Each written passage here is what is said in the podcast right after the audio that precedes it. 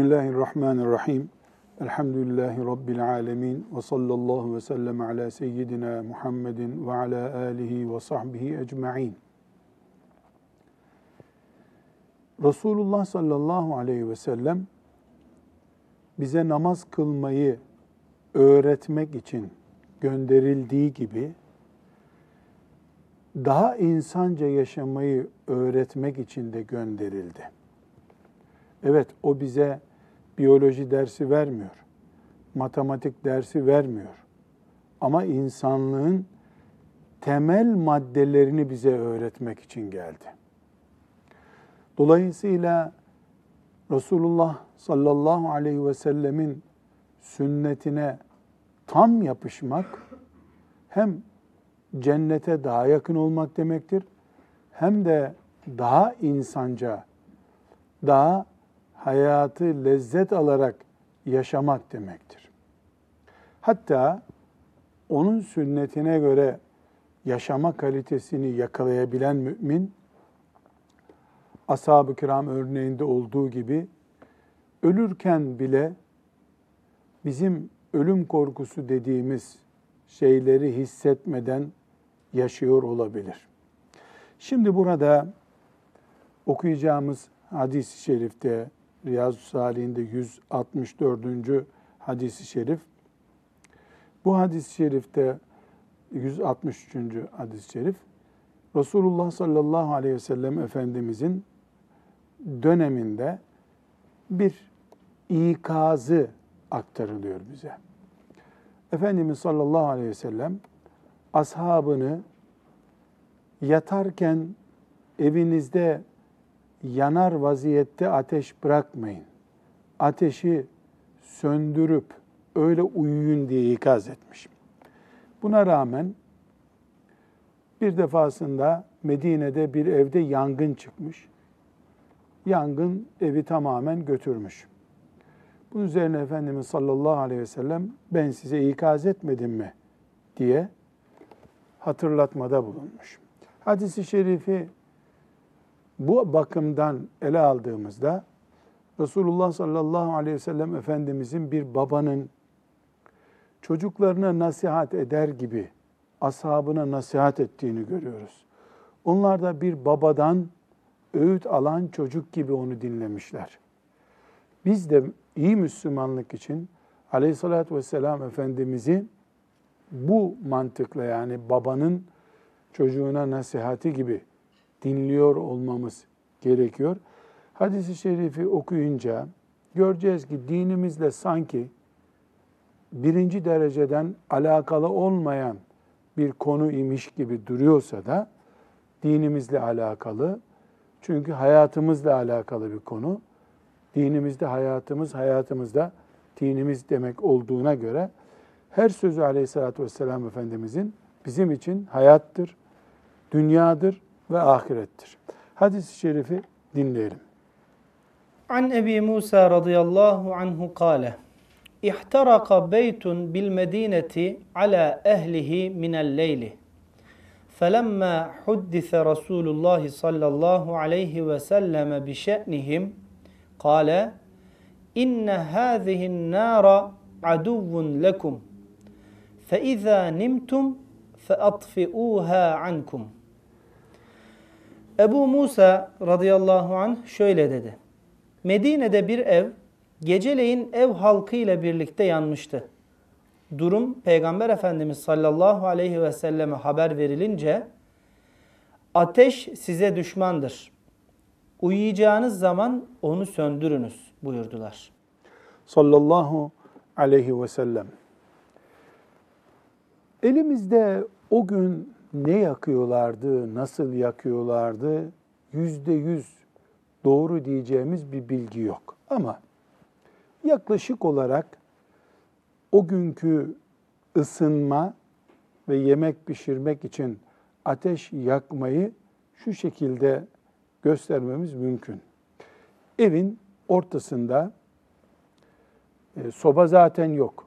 Soba çok o asra göre yeni bir alet. Soba yok. Evin ortasında hafif bir çukur var. O çukura odunlar konuyor, yakılıyor, üstüne sacağı konuyor, yemek orada pişiriliyor. Isınacakları zaman da evin ortasında veya bir köşesinde oluyor. Yemeği de böyle pişiriyorlar. Umumiyetle de yemek dışarıda, evin bahçesinde pişiriliyor. O gün ateş bu. Bir, iki, şimdi hacca gidip gelenler Mekke, Medine'yi hep sıcak olarak anlatırlar. Öyle değil. Mekke'de belki biraz az ama Medine-i Münevvere'de epey soğuk olur. Kış mevsimlerinde, Aralık, Ocak aylarında yani böyle kazaksız durulamaz derecede soğuk olur. Bilhassa geceleri insanın dişi kıcırdar, abdest alamaz. Şeyde, bizdeki gibi don, böyle her taraf buz filan öyle değil ama ayaz insanı ayakta duramayacak halde olur. Ee, daha çöl tarafına doğru biraz daha da soğuklar oluyor. Dolayısıyla ısınma orada da söz konusu, o zaman da söz konusuydu.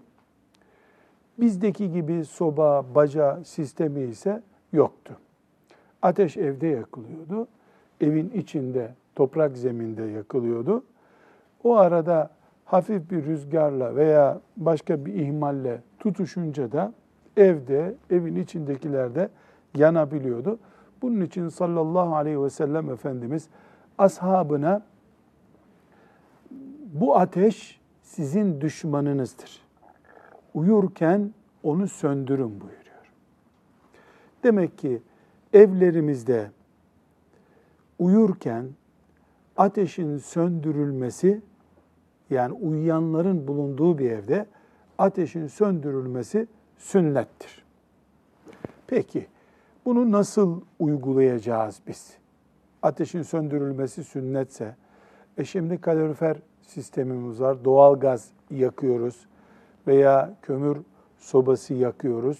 Bu hadisi şerifin hayatımıza yansıması nasıl olmalı? Cevap olarak diyoruz ki, Resulullah sallallahu aleyhi ve sellem Efendimiz bize bir genel ölçü koyuyor. Gece kontrol edilemez bir ateş bırakmayın. Gece kontrol edilemez bir ateş bırakmayın. Bu bu demektir. Kontrol edilebiliyorsa bir sıkıntı yok. Çünkü ateş kontrol edilmediğinde, edilemediğinde düşmanlık yapıyor, yakıyor, öldürüyor. Bu eğer bir kömür sobasında gaz zehirlenmesi şeklinde gerçekleşiyorsa o zaman bu sünnete göre Müslümanların gece kömür sobası yakıp onun yanında uyumamaları sünnettir. Çünkü insan tecrübesiyle öğreniyor ki gece kömür sobası kontrol edilemiyor. Ve insanlar sabahleyin zehirlenmiş olarak kalkıyorlar. Mesela banyoya şofben tesisatı konduğunda eğer ısıtma cihazı banyoda iken orada gaz kaçağından banyoda zehirlenme söz konusu oluyorsa bunun banyoya konmasını demek ki sallallahu aleyhi ve sellem Efendimiz bu sünnetinde yasaklıyor. Yani Efendimiz gece uyurken ateşi yanık bırakmayın buyururken gündüz istediğiniz gibi yanık bırakarsınız demiyor. Özellikle zaten gece insanlar dikkat etmezler buna diye bu konuyu ihmal ediyor ama bize ölçü koyuyor. Ateş düşmanınızdır diyor. Ateşin merhameti yok. Dolayısıyla ateşe karşı tedbirli olun. Bundan biz aynı zamanda ne anlıyoruz? Evlerimize elektrik tesisatı döşettirirken ucuz yapıp hemen evde yangın çıkaracak bir tesisatı döşettirmeyeceğiz demek ki. E ne yapacağız? Daha sağlamını yapacağız. Daha garantilisini yapacağız. Yani mesela e, ucuz bir alet kullanıp ütüyü ucuzundan alıp ısındığında sağa solu yakacak bir ütü kullansak sünnete aykırı bir iş yapmış oluruz demek ki. Her yere bunu uyarlayabiliriz. Mesela yangın bir tür e, afettir. Fakat çocuğun yangına sebep olacak bir şeyle oynadığını gördüğü halde bir anne baba çocuğu oradan uzaklaştırmasa, sonra da çocuk yangına sebep olsa, kendisi yansa maazallah veya evi yaksa, bu terbiyeyi veren Peygamber sallallahu aleyhi ve sellemin sözlerine dikkat edilmediği için insan vebal altında olur. E çocuk da diyebilir miyiz? Diyemeyiz. Niye? E tedbir alın buyurmuştu sallallahu aleyhi ve sellem Efendimiz. Çocuğa oynayacak başka bir şey ver. Çocuk kesici bir aletle oynuyor. Koca baltayı almış çocuk bir şeyler yapıyor. E balta neredeyse ondan uzun. Kaldırıyor bir yere vuruyor derken ayağına vurdu. Çocuğu o cihazla baş başa bırakan, ateşin yanında kontrolsüz bırakan anne, baba, her kimse mesul bundan. Efendimiz sallallahu aleyhi ve sellem bize hayatın temel dinamiklerini öğretiyor. Ütü nasıl yapılır tarif etmiyor. Yara bantı nasıl saracaksın demiyor. Bize hayatın temelini öğretiyor. Biz Müslüman olarak bu temel mantığı ateş düşmanınızdır. Ateşe karşı dikkatli olun sözünü hayatımıza prensip edineceğiz. Evimizde ütüyle ilgili, ısınma aletiyle ilgili, soba kurarken, kömür yakarken, kombi çalıştırırken dikkat edeceğiz. Burada bir ince, hassas, mesela büyük şehirlerde doğalgaz sistemini yerleştirirken e, insanlığın geldiği bir teknolojik birikim var. Bu doğalgazı en güvenli bir şekilde nasıl kullanabileceğine dair araştırmalar yapılıyor. Bütün dünyada araştırmalar yapılıyor. İşte bunun şurada havalandırılması lazım, borunun şuraya bağlanması lazım gibi kurallar konuyor. Peygamber Efendimiz sallallahu aleyhi ve sellem evlerinizdeki kombi balkona koyun diye bir hadis buyurmamış. Ama canınız size Allah'ın emanetidir, canınıza dikkat edin buyurmuş. İntihar edecek iş yapmayın buyurmuş.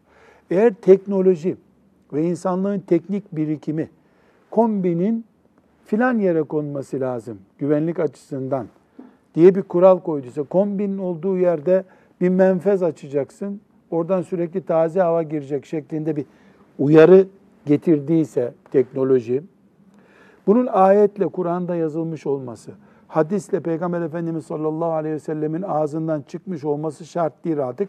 O kurala uymak zorundadır mümin. Eğer mesela gaz şirketi menfez açıyor, buradan havalanma olsun, evde sürekli oksijen yanıyor, risk oluyor diyorsa mesela, o şirketin onayını aldıktan sonra da onu naylonla kapatıyorsa Müslüman, sonra da gaz zehirlenmesi oluyorsa o evde, bu kıyamet günü hesabı verilecek bir hata olur. Neden?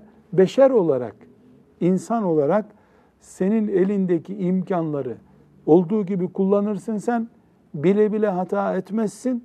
Buna rağmen bir kaza olursa belki de şehit sevabı kazanırsın. Ama dalgınlığın, gafletin ve tembelliğinden dolayı ölünce şehit olmaz insan. Tembel şehit değildir. Üstüne düşeni yapan e, öyle bir kaza geçirirse maazallah o kaza onun belki de bütün günahlarının kefaretine vesile olur ayrı bir mesele. Şimdi bir hadis-i şerif okuduk. Hadis-i şerifte Efendimiz sallallahu aleyhi ve sellem ne buyuruyor? Ey insanlar ateş sizin düşmanınızdır. Ateşe karşı tedbirli olun. Gece uyurken evde yanar vaziyette ateş bırakmayın. O başka bir şeyi ısıtır, tutuşturur. Rüzgar alır ev, o onu dağıtır, tutuşturur. Evde yanar, çocuk da yanar, insan da yanar. Allah muhafaza buyursun. Böyle bir afete karşı tedbirli olun buyurdu. Hem biz şimdi pikniğe gittiğimizde bir yerde mangalda ateş yanık bırakmamayı peygamberimizden öğrenmiş olduk. Bize temel bir kural koydu. Neydi temel kuralı? Ateş düşmanınızdır. İnsanın da düşmanı, hayvanın da düşmanı, ormanın da düşmanı, her şeyin düşmanı. Öyle bir düşman ki onsuz da olmuyor. Ateşi de atıp söndüremiyorsun. Yemeğin de onunla pişiyor. Kışın onunla ısınıyorsun. Ütüyü onunla yapıyorsun. Ateş her şeyde lazım bize. Ama düşmanımız canımıza zarar veriyor. Neslimizi helak edebiliyor. O zaman biz mangal söndürürken buna dikkat edeceğiz. Ütü yaparken dikkat edeceğiz. Çocuğumuzu bu işten korurken dikkat edeceğiz. Fabrika kuranlar, iş yeri kuranlar bu elektriğinden vesairesine kadar ateş tehlikesine karşı tedbir alacaklar Allah katında mesuliyet taşımamak için Bunlar insani görevlerimiz. Buna rağmen başımıza bir musibet gelebilir mi? Gelebilir tabii. O zaman ne yapacağız? Allah'ın rahmetine sığınacağız, mağfiretine sığınacağız. O zaman üzerimize düşeni yaptıktan sonra 163. hadisi şerifi bu şekilde okuduk. Ama bu hadisi şerif öğrenildikten sonra evlerimizde, iş yerlerimizde, vakıflarda, okullarda uygulanacak. Şimdi itfaiyenin ruhsatından dolayı mesela dikkat ediliyor. İtfaiye ruhsat vermez. Yangın merdiveni yapalım diyorlar. Biz Müslüman olarak buna uyacağız elbette. Zaten ruhsat alamıyorsun öbür türlü. Ama Resulullah sallallahu aleyhi ve sellem ateş düşmanınızdır ona karşı dikkatli olun buyurduğu için aslında biz bunu yaparız. Hem yangın merdiveni yapıp ruhsatımızı alırız hem niyetimiz Peygamber aleyhissalatü vesselama ittiba etmek olduğu için biiznillahü teala sevap kazanırız. Peygambere uyuyoruz çünkü. Şimdi 164. hadis-i şerifin tercümesini okuyalım hocam. Bu hadis-i şerifte Resulullah sallallahu aleyhi ve sellem Efendimiz 164. hadis-i şerife geldik. Ee, kendisini ve misyonunu başka bir şeyle benzetme yapıyor. Bu benzetmesinden daha iyi anlamamızı sağlıyor. Yani Peygamber sallallahu aleyhi ve sellem geldi, insanlara din öğretti. İnsanların bunu algılayış tarzını yorumluyor. Bu hem Peygamber Efendimiz sallallahu aleyhi ve sellemi insanlar o gün nasıl ve niye öyle karşıladılar? Hem bugün Peygamber aleyhisselamın varisleri alimler değil mi? Alimleri insanlar nasıl karşılıyorlar? Bu hadisi dinleyeceğiz. Bu bize yani Allah'ın gönderdiği peygamberlerin çilesini de tarif edecek, hayatın gerçeğini de öğretmiş olacak. Buyurun şimdi hadis-i şerifi tercümesinden dinleyelim. Ebu Musa el-Eş'ari radıyallahu anh'ten rivayet edildiğine göre Resulullah sallallahu aleyhi ve sellem şöyle buyurdu. Allah'ın benimle göndermiş olduğu hidayet ve ilim, yeryüzüne yağan bol yağmura benzer. Yağmurun yağdığı yerin bir bölümü verimli bir topraktır. Yağmur suyunu emer, bol çayır ve ot bitirir. Bir kısmı da suyu emmeyip üstünde tutan çorak bir yerdir. Allah burada biriken sudan insanları faydalandırır. Hem kendileri içer hem de hayvanlarını sular ve ziraatlerini o su sayesinde yaparlar. Yağmurun yağdığı bir yer daha vardır ki düz ve hiçbir bitki bitmeyen kaypak arazidir. Ne su tutar ne de ot bitirir. İşte bu Allah'ın dininde anlayışlı olan ve Allah'ın benimle gönderdiği hidayet ve ilim kendisine fayda veren, onu hem öğrenen hem öğreten kimseyle buna başını kaldırıp kulak vermeyen, Allah'ın benimle gönderdiği hidayeti kabul etmeyen kimsenin benzeridir. Evet, e, keşke tarımdan biraz anlayan nesil olsaydık da bu hadis-i şerifi çok iyi anlasaydık. Her şeyi pazardan, marketten hazır aldığımız için buğday nasıl yetişiyor, çorak arazi ne demek, mümbit arazi ne demek bu kavramlar yeni neslin anladığı kavramlar değil. Ama biz Allah'ın lütfuyla izah etmeye çalışalım. İnsanlar var, bir de Resulullah var sallallahu aleyhi ve sellem. Muhammed bin Abdillah sallallahu aleyhi ve sellem. Allah peygamber göndermiş. Bu peygamberi kime göndermiş? İnsanlara göndermiş. Peygamber Efendimiz kendisini yağmura benzetiyor. Ben Allah'ın size indirdiği bir yağmur gibiyim diyor. Bu yağmur kimin üzerine yağıyor? Toprağa yağıyor. Yani insanlara, insanlar toprak gibiler. Üç türlü insan var. Birisi canım peygamberim diyor. Peygambere sarılıyor. Her şeyi öğreniyor. Öğrendiğini yapıyor. Bu en iyisi.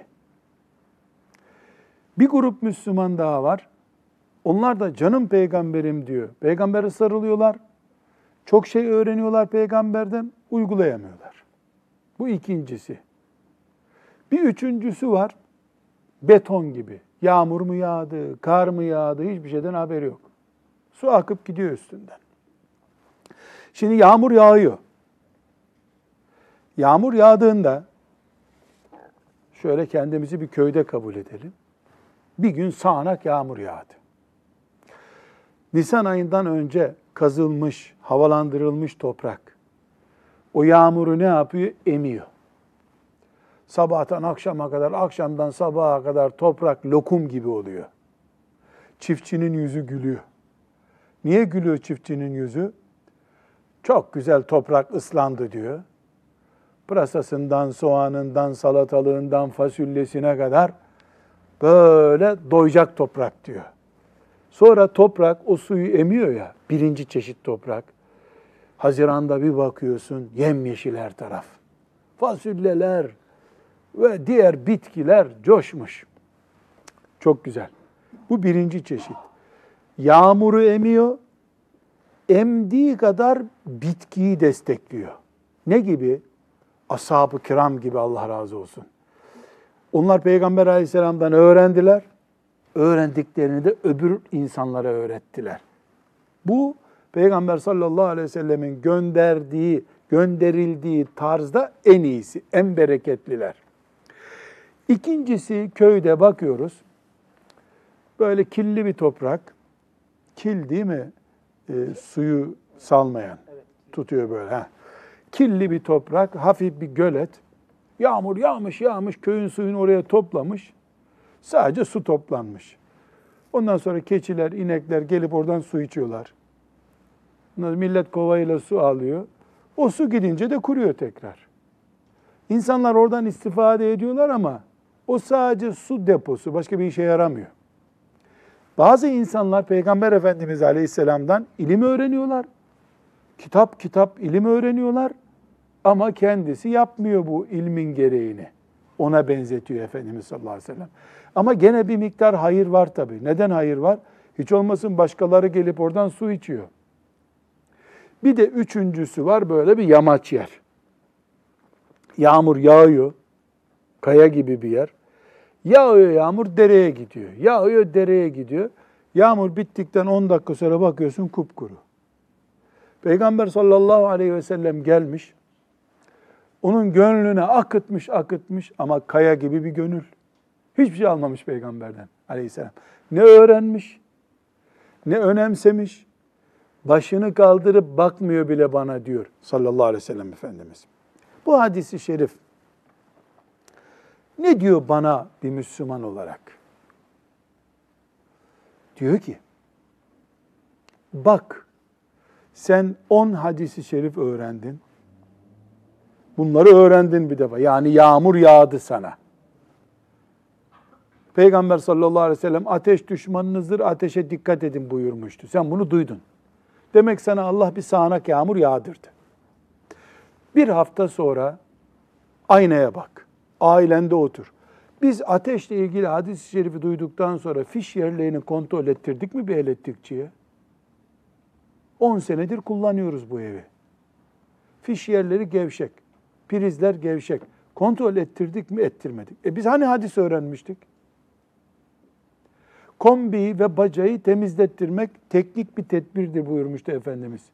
Gece biz bunu yakıyoruz.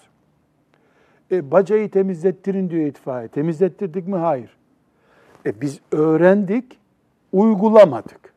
Ne oldu? Suyun toplandığı gölet gibi olduk. Bol bol bilgi var bizde. Birinci dereceyi kaybettik.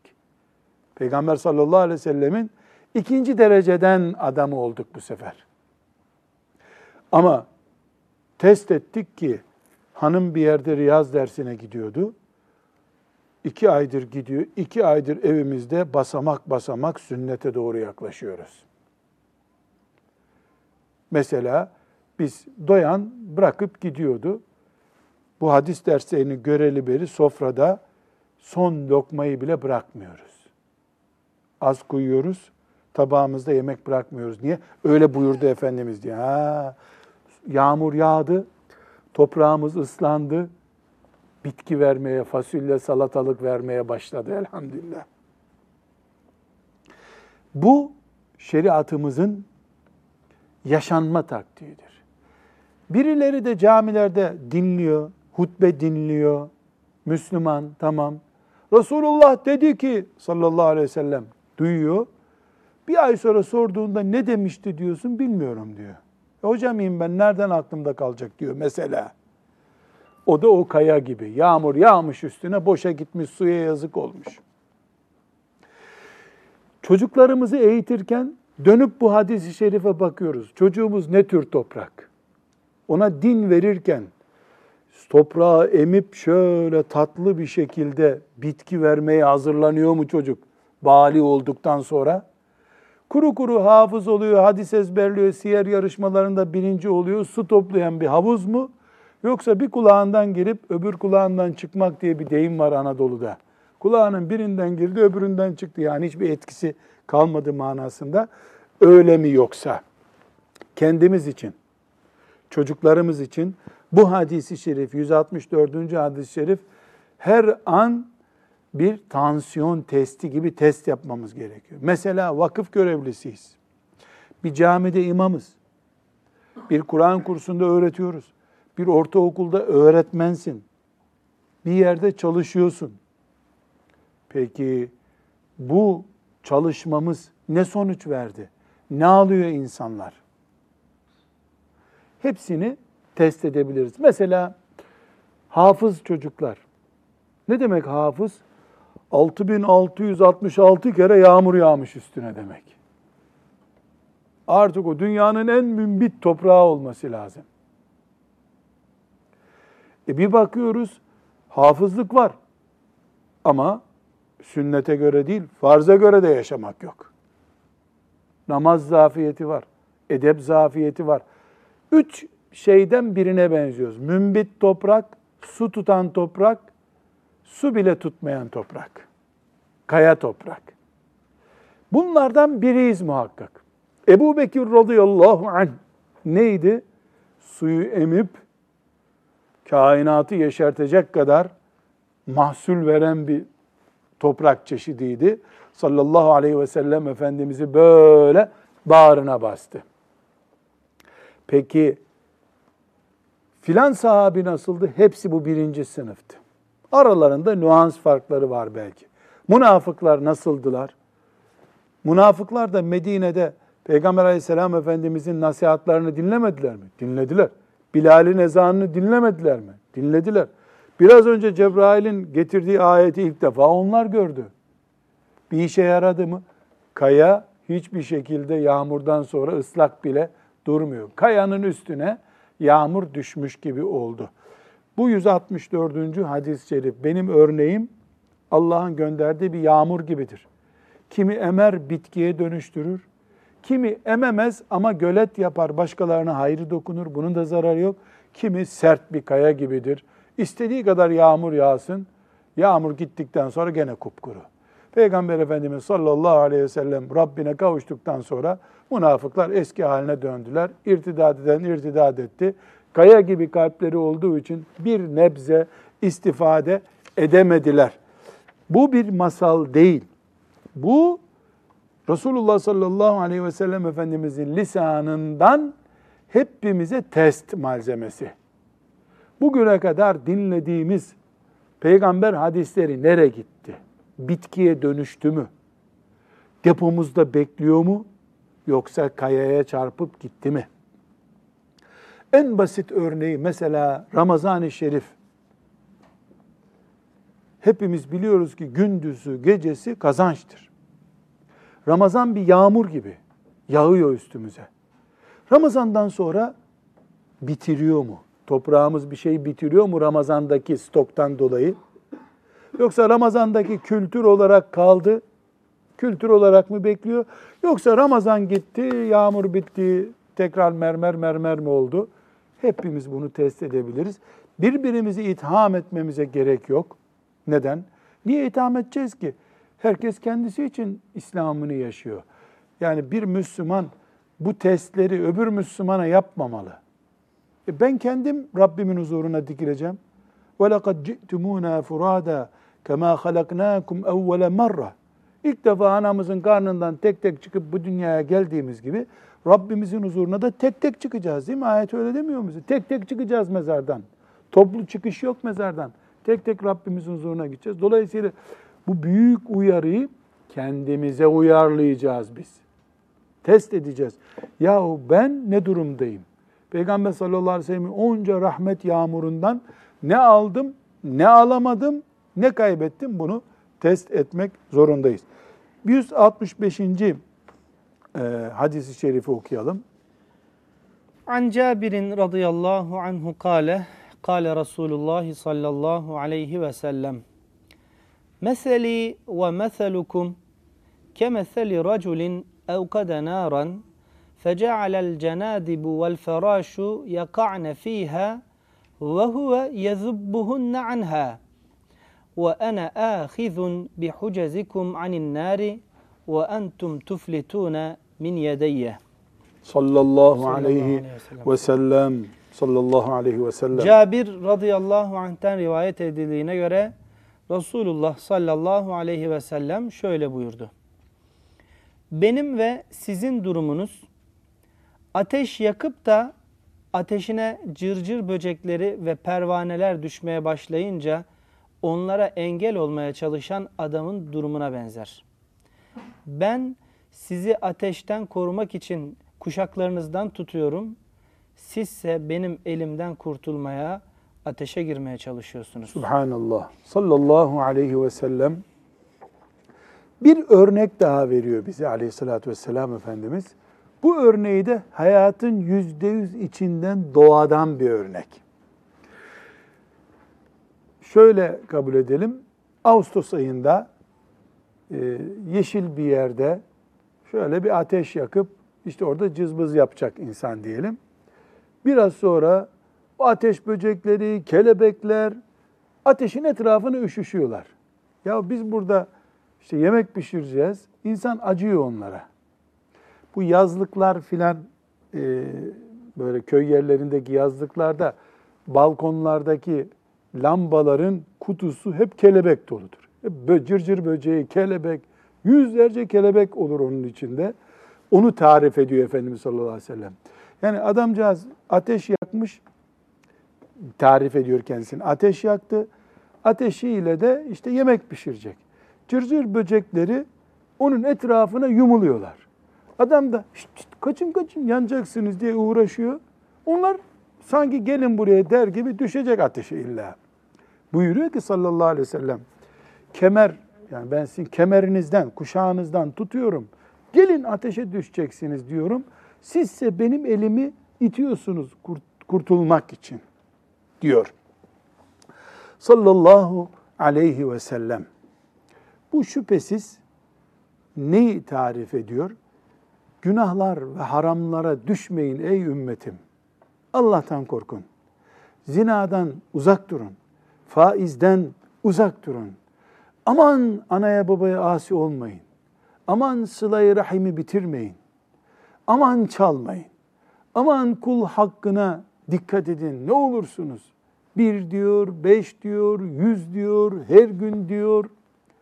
Ben seninle cihad etmeye geldim ya Resulallah diyen adama senin anan baban nerede? Evde. Git anana babana hizmet et. Bu demek işte.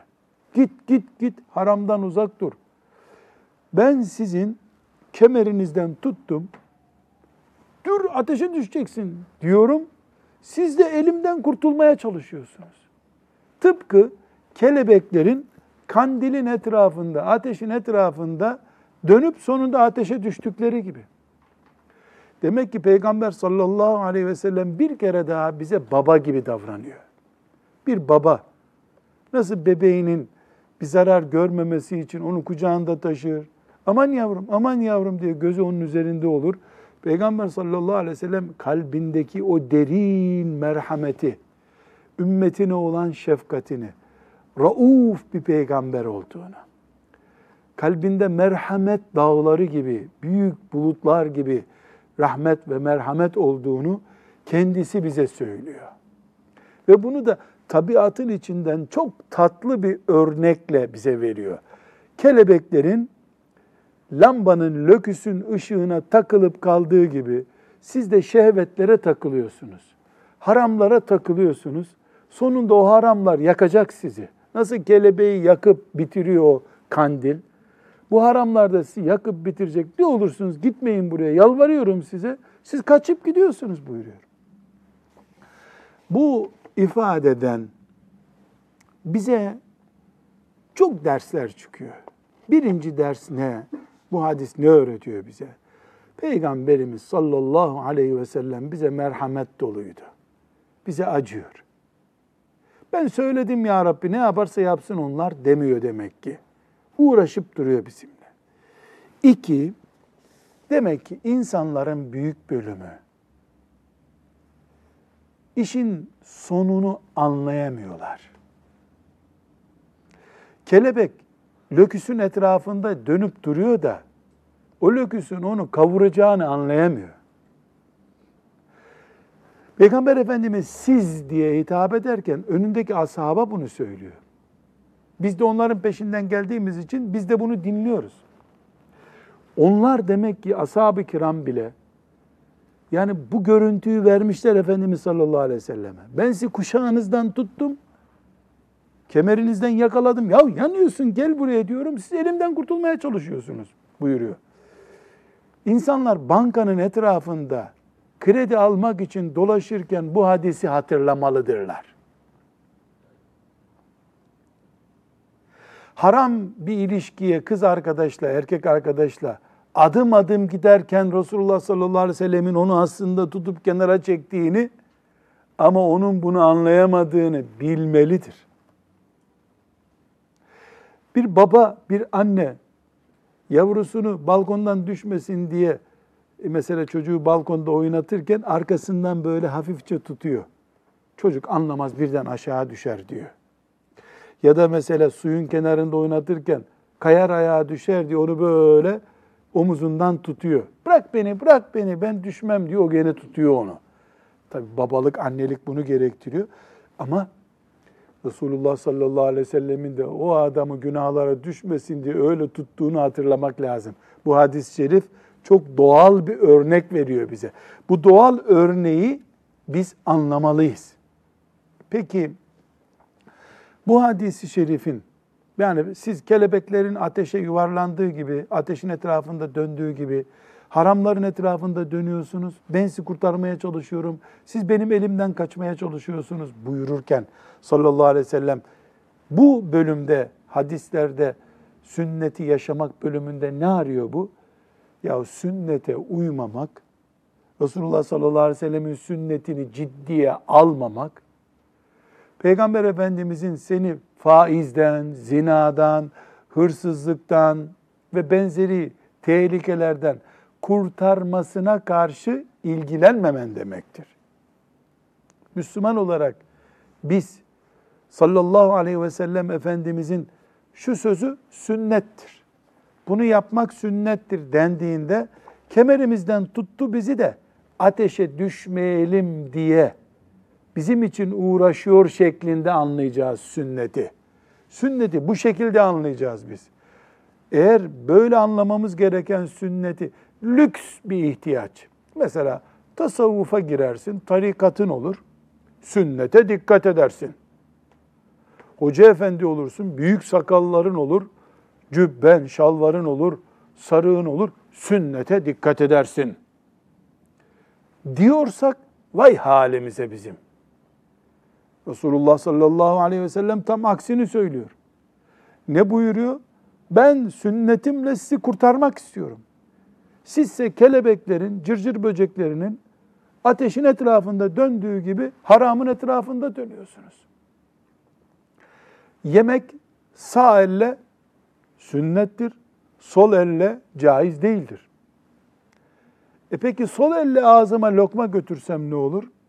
İşte Peygamber Efendimizin düşme ateşe diye tuttuğu elini bıraktırmak olur. Çünkü sallallahu aleyhi ve sellem bir baba gibi, bir anne gibi, hatta bir anneden, bir babadan daha şefkatli bir şekilde ateşten kurtarmak istiyor bizi. Her sünnet o ateşten kurtarmak için bize bir tutuşudur sallallahu aleyhi ve sellem Efendimizin. Bu sünnetlerin toplamından hayatımız, imanımız kurtuluyor. Evet, tek bir sünnetle Müslümanlık olup bitmiyor. Tek bir sünneti unutunca da gavur olmuyor insan. Bu kesinlikle böyle. Ama bir sünnet, bir sünnet daha, üç sünnet daha, iki sünnet daha, 40 e, yaşındayken 5 sünnet, 45 yaşındayken 10 sünnet derken bunlar hayatımız boyu toplandığınca din oluyor. Bir ihmal, öbür ihmal, bir ihmal derken ateş oluyor. En başta ne dedik bu hadis-i şerifleri okurken? Elbette Müslüman bir sünneti ihmal etti diye cehennemlik olmaz. Nitekim iki dakika burnunu tutsa insan nefes almasa, burnu tıkansa nefessizlikten ölmüyor. Ama bu iki dakika, iki dakika, üç dakika, yedi dakika derken boğuluyor insan. Ciğerleri tıkanıyor. Sünneti bu şekilde görmemizin örneklerinden birisini sallallahu aleyhi ve sellem Efendimiz bize örnek olarak vermiş oldu.